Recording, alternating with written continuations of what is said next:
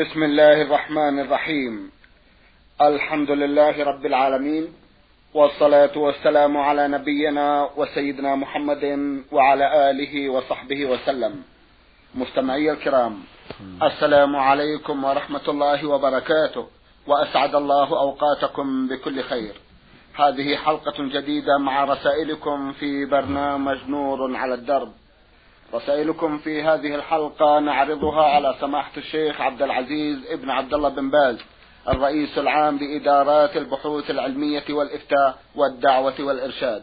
مع مطلع هذه الحلقة نرحب بسماحة الشيخ ونشكر له تفضله بإجابة السادة المستمعين فأهلا وسهلا بالشيخ عبد العزيز. حياكم الله بارك فيك حياكم الله.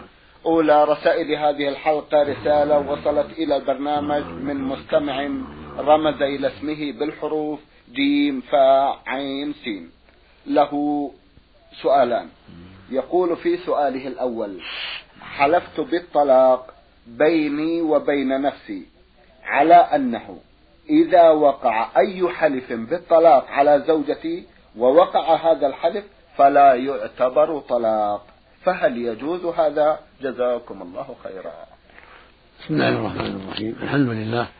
وصلى الله وسلم على رسول الله وعلى آله وأصحابه ومن اهتدى بهداه. أما بعد فالحلف بالطلاق معناه أن يحلف بطلاق معلق على شيء يقصد منه المنع أو الحث أو التصديق أو التكذيب. هذا يقال له يمين الطلاق. نعم. فإذا قال عليه الطلاق الا يكلم فلان أو عليه الطلاق الا ياكل طعام فلان أو عليه الطلاق ألا يسافر. أو عليه الطلاق ألا تخرج امرأته إلى بيت فلان. وقصده من ذلك المنع. منع الكلام أو السفر أو الخروج. هذا يسمى يمين. كذلك إذا قال عليه الطلاق أن يكلم فلان. عليه الطلاق أن تذهبي إلى فلان يا فلانة. عليه الطلاق أن يسافر لكذا وكذا. وقصده مقصود الحث حث نفسه. أن يفعل هذا الشيء وليس قصده إيقاع الطلاق. هذا كله يسمى يمين. وفي كفارة اليمين. ولا يقع به الطلاق إذا خالفه. لأنه ما قصد الطلاق وإنما قصد حث نفسه أو منع نفسه أو حث امرأته أو منعها. هذا يسمى عند أهل العلم يمينا. والصواب عند المحققين من أهل العلم أنه لا يقع. إذا فعل ما حلف على تركه أو ترك ما حلف على فعله. وعليه كفارة اليمين. لأحاديث وردت في ذلك عن النبي صلى الله عليه وسلم. فالمقصود أن هذا يسمى يمينا ولا يقع به طلاق. أما إذا علق الطلاق على فعل قصده إيقاع الطلاق. أو على فعل ليس فيه حث ولا منع ولا تصديق ولا تكذيب. مثل قال عليه الطلاق لفلانة إذا دخل رمضان. أو عليه الطلاق لفلانة إذا قدم فلان. قصده من ذلك تعليق الطلاق. هذا يقع الطلاق بشرطه. فقوله عليه الطلاق ألا يطلق فلانة هذا إذا كان قصده منع نفسه من طلاقها يكون إذا طلق عليه كفارة يمين أما إذا كان قصده إيقاع الطلاق وأنه أنه إذا طلق يقع الطلاق. فيقع الطلاق مثل غيره من المسائل الحاصل أنه يرجع إلى نيته. نعم. إن أراد إيقاع الطلاق وقع الطلاق. وإن أراد منع نفسه أو حثها على شيء فإنه يكون له حكم اليمين. فيه كفارة اليمين. نعم. جزاكم الله خيرا. وأحسن إليكم. له سؤال آخر أيضا في باب الطلاق. يقول في إحدى مشاجراتي مع زوجتي قلت لها اعتبري نفسك مطلقة فهل هذا طلاق؟ ولو فرض أن هذا طلاق فما هو الحل؟ جزاكم الله خيرا. عيد يقول في أحد مشاجراتي مع زوجتي قلت لها اعتبري نفسك مطلقة فهل هذا طلاق؟ ولو فر- ولو فرض أن هذا طلاق فما هو الحل؟ جزاكم الله خيرا. نعم يعتبر طلاقا ولكن طلقة واحدة.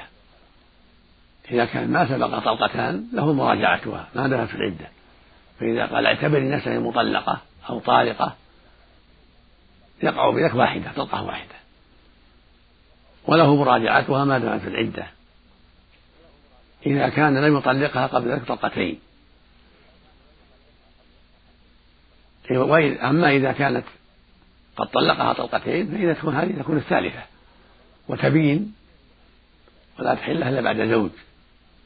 وإصابة يعني بعد زوج شرعي وإصابة يعني وجماع. من غير تحليل. يعني نكاح شرعي لا يقصد به التحليل. لكن لو طلقها في طهر جامعها فيه وليست حاملا ولا عيسة لا يقع الطلاق على الصحيح. وهكذا لو طلقها في حيض أو نفاس لا يقع الطلاق. لأنه ثبت عن النبي صلى الله عليه وسلم من حديث ابن عمر رضي الله عنهما أن ابن عمر طلق امرأته وهي حائض فأنكر عليه النبي صلى الله عليه وسلم وأمره أن يراجعها. وقال أمسكها حتى تطهر. ثم تهيئ ثم تطهر. ثم إن شئت طلق وإلا أمسك. وقال له طلقها قبل أن تمسها. هذا يدل على أن الطلاق في الطهر يمسها في جامعها فيه لا يقع. وهذا هو الصحيح. وهو قول جماعة من العلماء. وهكذا إذا طلقها في الحيض أو في النفاس لا يقع. أما إن طلقها وهي حامل أو في طهر ما جمع فيه أو في طهر جمع فيه لكنها حبلى أو يقع الطلاق. في هذه الأحوال في حال الحمل نعم. يقع الطلاق. وفي حال طهر لم يجمع فيه أو جمع فيه لكنها حبلى أو آيسة يقع الطلاق. ما لم يمنع مانع من كونه اشتد غضبه شدة تغير شعوره أو يمنع مانع من جهة أنه سكران تكلم بغير عقل لا يشعر بما صدر منه لكونه سكران أو أو أصابه شيء غير عقله. هذا لا يقع. أو من شرط الوقوع أو من شرط وقوع الطلاق أن يكون يعقله الزوج. فأما إذا تعاطى شيئا يفقده عقله أو غضب غضبا يفقده عقله وشعوره ما يضبط ما يقع منه أو يضبط لكن غلب عليه الغضب واشتد به الغضب من أجل مضاربة بينهما أو مسابة بينهما. فالصحيح أنه لا يقع في هذه الحالة في شدة الغضب كالذي لا العقل. نعم. جزاكم الله خيرا. من السودان الزرق رسالة وبعث بها المستمع صديق من محافظة من قرية الزرق. يقول نحن نصلي صلاة العيد خارج القرية ومعنا مجموعة من القرى المجاورة ولكن نصلي خلف المقابر التي تبعد بمسافة عشرة إلى خمسة عشر مترا. وسمعنا من عبر برنامجكم أن الصلاة على المقابر لا تجوز. وفي الحين انقسمنا إلى مجموعتين مجموعة خلف المقابر ومجموعة تركت المقابر على اليمين. ونطلب من سماحتكم الإجابة والتفصيل في هذا الموضوع الذي قسم شملنا بعد مجموعة طيبة وكبيرة. الواجب عليكم وعلى غيركم من المسلمين عدم الصلاة إلى القبور. وأن تكون الصلاة بعيدة عن القبور في محل بعيد عن القبور ليس في قبلتكم قبور. لأنه ثبت عن النبي صلى الله عليه وسلم أنه قال لا تصلوا إلى القبور ولا تجلسوا عليها. رواه مسلم في الصحيح. وقال عليه الصلاة والسلام ألا وإن من كان ألا وإن من كان قبلكم كانوا يتخذون قبور أنبيائهم وصالحيهم مساجد. ألا فلا تتخذوا مساجد فإني أنهاكم عن ذلك. رواه مسلم أيضا. فلا يجوز أن يصلى إلى القبور ولا أن تتخذ مساجد يصلى بينها. لكن لو كان بينكم وبين القبور حاجز جدار يمنعكم منها فالصلاة صحيحة. أو بينكم وبينها بيت مسكن أو شيء يمنع منها كمثل وادي بينكم وبينها وادي السيل أو ما أشبه ذلك لكن بعدكم عنها أسلم تكون عن يمينكم أو شمالكم هذا هو الطريق السليم. لا تجعلوها أمامكم إلا إذا كان بينكم وبينها حاجب يبعدكم عنها ولا يوهم أنكم تصلون إليها تعظيما لها. تكون بعيدين عنها حاجز جدار وإذا كان جدار آخر غير جدار المقبرة يكون أسلم وأحسن. أو واد بينكم هذا يبعدكم عن شبهة استقبالها. لكن بكل حال إذا كنتم بعيدين عنها أو عن يمينها أو شمالها أو أمامها خلفكم لا يضركم. إذا كانت الأرض ليست من المقبرة ولا داخلة في المقبرة. نعم. جزاكم الله خيرا. كونها تبعد عنهم خمسة عشر مترا كما قال. قد لا يكفي هذا لأن الاستقبال إذا كانت غير مستورة نعم. أمامهم نعم. قد يحصل بذلك الاستقبال ويظن أنهم قصدوا الاستقبال. أيوة. فالبعد عنها أسلم. جزاكم الله خيرا. لأن الرسول صلى الله عليه وسلم أمر بترك المشتبهات قال دع ما يليبك إلى ما لا يليبك وقال عليه الصلاة والسلام من اتقى الشبهات فقد استبرأ لدينه وعرضه صلى عليه وسلم. فالبعد عنها أسلم؟ كان عن يمين أو شمال أو خلفهم أو بينهم وبينها ستر جدار. وإذا كان جدار آخر غير جدارها مثل جدار حوش أو جدار منزل أو بيت قائم يكون هذا أبعد عن الشبهة. جزاكم الله خيرا وأحسن إليكم. من المستمع خضر سالم من المنطقة الشمالية رسالة وضمنها بعض الأسئلة. يقول في سؤال له هل مفسدات صوم رمضان تنطبق كذلك على صيام النذر أو التطوع؟ وهل يأثم من أفطر في صيام النذر أو التطوع؟ وهل عليه كفارة؟ جزاكم الله خيرا. نعم مفسدات الصوم في رمضان. كذلك تفسد صوم النذر وصوم الكفارات وصوم النافلة. إلا شيئا واحدا وهو أن النافلة يجوز أن يبدأها من النهار بخلاف الفرض. لابد أن يكون من طلوع الفجر. لابد يمسك قبل طلوع الفجر. أما النافلة فيجوز أن يلي الصيام من الضحى مثلا إذا أصبح ولم يتعاطى مفطرا لا أكلا ولا غيره فله يبتدي صوم النافلة من النهار. لأن النبي صلى الله عليه وسلم دخل على عائشة ذات يوم فقال عندكم شيء؟ قالوا لا. قال فإني إذا صائم. يعني نافلة هذا يفارق فيه النافلة الفريضة. وأما المفسدات الأخرى الأكل الشرب والجماع فهذا يستوي فيه النافلة. وصوم النذر وصوم رمضان وصوم الكفارة. كلها تفسد إذا أكل أو شرب. أو جامع متعمدا. أما الناسي فلا لا يفسد صومه لو أكل ناسيا أو شرب ناسيا أو جامع ناسيا فصومه صحيح. أو احتجم ناسيا فصومه صحيح. المقصود المفطرات مع النسيان لا تبطل الصوم. سواء كان نافلة أو كفارة أو نذرا أو رمضان. نعم. جزاكم الله خيرا. على ذكر الحجامة سماحة الشيخ. من أخذ منه دم للتحليل أو تبرع بالدم لمريض. هل يؤثر هذا على صيامه؟ دم التحليل خفيف لا يؤثر. نعم. دم التحليل لا يؤثر. لكن إذا أخذ دما كثيرا يتبرع به المريض فالأحوط له القضاء إن كان فرضا. الأحوط له القضاء لأنه يشبه الحجامة من بعض الوجوه. والصواب عند أهل العلم أن هذا خاص بالحجامة.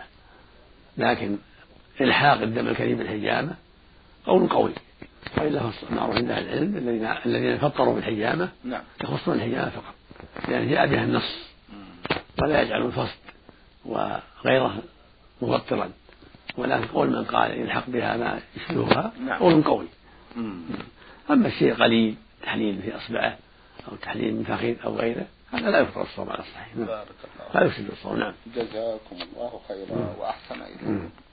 يقول أخونا في سؤاله الثاني ما الحكم في رجل كان يصوم نذرا لله ثلاثة أيام؟ وفي اليوم الثالث لم يكمل صومه فهل عليه اسم في ذلك أو كفارة؟ جزاكم الله خيرا. نعم عليه.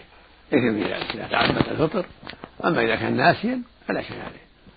أما إذا كانت ثلاثة أيام نذرها يصومها ثم أفطر في واحد منها يكون يأثم. لأن الرسول عليه الصلاة والسلام من نذر أن يطيع الله فليطعه فليس له أن يفطر في اليوم الذي نذر صومه عليه يصوم. وإذا شرع في الصوم أمسك حتى يكمل. فإذا أفطر فيه لزمه قضاءه. بدل اليوم اللي أفطر فيه نعم. جزاكم الله خيرا. أما كفارة فليس عليه كفارة؟ لا لا كفارة خاص رمضان. بارك الله نعم. فيكم. جزاكم تخص الوطي في رمضان خاصة. نعم. حتى قضى رمضان ما في كفارة. ما شاء الله. إنما الوطي في نفس رمضان. نعم. جزاكم الله خيرا. من المستمع محمد سعد من العراق رسالة وضمنها سؤالين. في سؤاله الأول يقول سمعت أن الرسول صلى الله عليه وسلم قال حديثا معناه إن الجنين في بطن أمه يكتب له الشقاء أو السعادة. فهل الشقاء على وتيرة واحدة أو السعادة على وتيرة واحدة أم أنها درجات؟ وهل هي في الدنيا أم في الآخرة أم في الآخرة والدنيا. جزاكم الله خيرا. هذا حديث صحيح. رواه البخاري ومسلم في الصحيحين. من حديث مسعود رضي الله تعالى عنه عن النبي صلى الله عليه وسلم أنه أخبر أن الجنين إذا مضى عليه ثلاثة أطوار كل طور أربعين يعني أربعة أشهر يدخل عليه ملك ويأمره الله بكتب رزقه وأجله. وعمله ويكتب هل هو شقي أو سعيد. هل هو يعني من أهل النار أو من أهل الجنة؟ فالشقي من أهل النار والسعيد من أهل الجنة. والله جل وعلا يكتب أعماله كلها ولا ولا ينافي هذا الأمر والنهي. القدر ماضي في أمر الله ولكن على العبد أن يعمل. مثل ما قال النبي صلى الله عليه وسلم لما قال الصحابة رسول الله إذا كانت أعمال تكتب شقاء وسعادة ففيما العمل قال النبي صلى الله عليه وسلم اعملوا فكل ميسر لما خلق له أما أهل السعادة فييسر لعمل أهل السعادة. وأما أهل الشقاوة فييسر لعمل أهل الشقاوة. فالعبد على ما كتب عليه كتب له الشقاوة في الدنيا والآخرة فهو شقي. كتب له السعادة فهو سعيد في الدنيا والآخرة. يكتب له شيء في الدنيا شقاوة في الدنيا دون الآخرة أو شقاوة في الآخرة دون الدنيا. قد يعمل بعمل أهل الجنة في الدنيا ثم يموت على عمل أهل النار فيدخل النار نسأل الله العافية. وقد يكون شقيا في الدنيا بأعمال أهل النار ثم يكتب الله له التوبة فيموت فيتوب عند موته قبل أن يموت فيكون فيكون من أهل السعادة. فكل شيء يكتب على يكتب على شقاوته وسعادته في الدنيا والآخرة. لكن مع هذا كله الواجب عليه العمل. الواجب عليه يتقي الله. وألا يقول هذا كتب عليه وأنا أجلس. لا. مثل ما أمر النبي الصحابة اعملوا فكل ميسر لما خلق والله يقول سبحانه وقل اعملوا فسأل الله لكم والرسول والمؤمنون. فالإنسان مأمور بالعمل. ويقول صلى الله عليه وسلم في الحديث الصحيح احرص على ما ينفعك واستعن بالله ولا تعجزن فكل إنسان مأمور يعني يطيع الله ورسوله. مأمور بأن يكسب الحلال. مأمور بأن يبتعد عن أسباب الشر. مأمور بأن يحذر الخطر منهي أن يقتل نفسه مأمور بالكف عن المعاصي إلى غير ذلك. فعليه يمتثل الأوامر ويحذر النواهي ويجتهد في ذلك ولا يتأخر عن شيء أمر الله به ولا يقدم على شيء نهى الله عنه. وهو مع هذا ميسر لما خلق له. نعم. جزاكم الله خيرا. أيضا يسأل ويقول قال الرسول صلى الله عليه وسلم من سن سنة سيئة فعليه وزرها ووزر من عمل بها إلى يوم القيامة. ثم يقول أنا كنت لا أدري هذه السنة سيئة وعلمتها لغيري ولم أجد هذا الشخص فهل وزرها ووزر من علمهم علي؟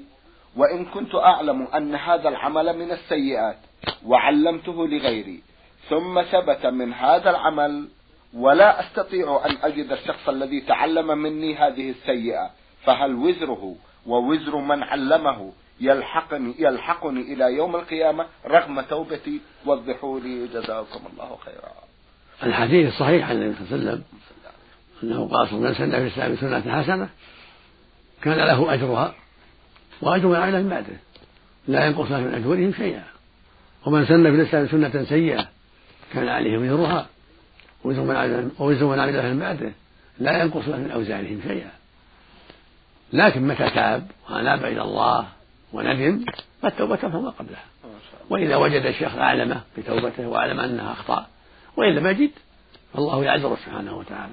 الله يقول فاتقوا الله ما استطعتم. لا يكلف الله نفسا إلا وسعها. فالشرك الذي أعظم الذنوب الشرك الذي أعظم الذنوب إذا تاب منه تاب الله عليه. والله يقول سبحانه وإني لغفار لمن تاب وآمن وعمل صالحا ثم اهتدى. ويقول سبحانه وتوبوا إلى الله جميعا. أيها المؤمنون لعلكم تفلحون. ويقول سبحانه يا أيها الذين آمنوا توبوا إلى الله توبة نصوحا الآية ويقول النبي صلى الله عليه وسلم التائب من الذنب كمن لا ذنب له. فعليك عبد الله الندم والإقلاع والعزم أن لا تعود في المعصية والحذر منها وتنبيه من دللت على السيئة وزينتها له تنبيه على أنك أخطأت وأنك غلطت وأنك تبت إلى الله لعله يتوب ولعله يرجع إذا قدرت عليه. أما إذا لم تقدر عليه فأنت معلوم. نعم. جزاكم الله خيرا. مم. آخر أسئلته يقول أختم القرآن للاستشفاء وأنفخه على المريض هل هذا يجوز أو لا؟ لا بأس بذلك. القرآن جعله الله شفاء. فإذا قرأت أو بعضه على نفسك وأنت مريض ترجو من الله الشفاء أو على بعض المرضى فلا حرج عليك بل في ذلك الشفاء. قال تعالى قل هو للذين هدى وشفاء. القرآن فيه الشفاء والخير فإذا قرأته كلها أو بعض الآيات كل ذلك خير والحمد لله. جزاكم الله خيرا. نعم. من ليبيا المستمعة فريحة حامد الشريف رسالة وضمنتها جمعا من الأسئلة. تقول في سؤالها الأول إذا بدأت الصيام من يوم السبت حتى نهاية الأسبوع فهل علي أن أتم صيام يوم الجمعة أم أنني أصوم يوم السبت وأترك الجمعة؟ جزاكم الله خيرا. الأفضل للمؤمن والمؤمنة أن يتحرى الأيام الفاضلة مثل الاثنين والخميس يصومهما مثل ثلاثة أيام من كل شهر يصومها. وإن سرد أياما وأفطر أياما فلا بأس. وإذا سرد أياما وصار منها يوم الجمعة فلا حرج. وإذا صار سام الخميس والجمعة أو الجمعة والسبت فلا حرج. النهي إنما هو إذا كان خص الجمعة وحدها بالتطوع. إذا خصها وحدها هذا هو محل النهي. أما إذا صامها مع الخميس أو مع السبت أو ضمن أيام سردها فلا حرج عليه. لكن الأفضل إذا كان عنده قدرة أن يصوم يوما ويفطر يوما. هذا أفضل الصيام. وهو صيام داود النبي الله عليه الصلاة والسلام. يقول فيه النبي أن هذا أفضل الصيام أن يصوم يوما ويفطر يوما. وإن صام الاثنين والخميس هذا خير عظيم. أو صام ثلاثة من كل شهر كفى لأن الحسنة بعشر أمثالها. كل ذلك طيب. جزاكم الله خيرا. تسأل أختنا من ليبيا وتقول ما حكم مصافحة زوج الأخت؟ وهل يجوز أن أضع قفازا إذا أردت السلام عليه أو على أي رجل أجنبي ليكون حائلا بين يدي وأيديهم؟ لا تجوز المصافحة للرجال الأجانب. ولو كان زوج الأخت أو زوج العمة لأنه أجنبي ليس بمحرم ولو مع القفاز. يقول النبي صلى الله عليه وسلم إني لا أصافح النساء. وتقول عائشة رضي الله عنها والله ما مست يد رسول الله صلى الله عليه وسلم يد امرأة قط ما كان يبايعهن إلا بالكلام. ولما مدت إليه امرأة يدها في البيعة قال إني لا أصافح النساء. فالواجب على المرأة أن تحذر هذا الشيء لا مع زوج أختها ولا مع زوج عمتها ولا مع أخي زوجها ولا غيرهم من الأجانب. لأنه وسيلة للشر والفتنة أعظم من النظر. أما زوج أمها فهو محرم. زوج أمها وزوج جدتها هذا محرم من النسب والرضاعة هكذا زوج ابنتها وزوج بنت ابنها وزوج بنت بنتها محرم من النسب والرضاعة أما زوج الأخت زوج العمة زوج الخالة هذا أجنبي. وهكذا أخو الزوجة أخو الزوج أخو الزوج ليس بمحرم أجنبي عمه خالة أجنبي. أما أبو الزوج وجد الزوج وابن الزوج وابن بنت الزوج وابن ابنه هؤلاء محارم. زوج البنت زوج بنت البنت زوج بنت الابن كلهم محارم. من النسب والرضا. نعم. جزاكم الله خيرا. تسأل وتقول. بخصوص الصدقة أو فطرة عيد الفطر. هل يجوز إعطاؤها لغير المسلمين؟ جزاكم الله خيرا. أما الصدقة تطوع فلا بأس. أن يعطاها الكافر الفقير. يعني مو بحربي يعني بينه وبينهم أمان أو ذمة أو عهد. لا بأس. يقول الله جل وعلا في كتابه العظيم في سورة الممتحنة لا ينهاكم الله عن الذين لم يقاتلكم في الدين ولم يخرجكم من دياركم. أن تبروهم وتقسطوا إليهم. إن الله يحب المقسطين فالله سبحانه لا ينهانا عن هذا. لا ينهاكم الله عن الذين لم يقاتلوا في الدين ولم يخرجوكم من دياركم. أن تبروهم وتقسطوا إليه البر معناه الصدقة. وقد قدمت أم أسماء بنت أبي بكر رضي الله عنها على النبي صلى الله عليه وسلم في المدينة في أيام الهدنة. تسأل بنتها الصدقة مساعدة.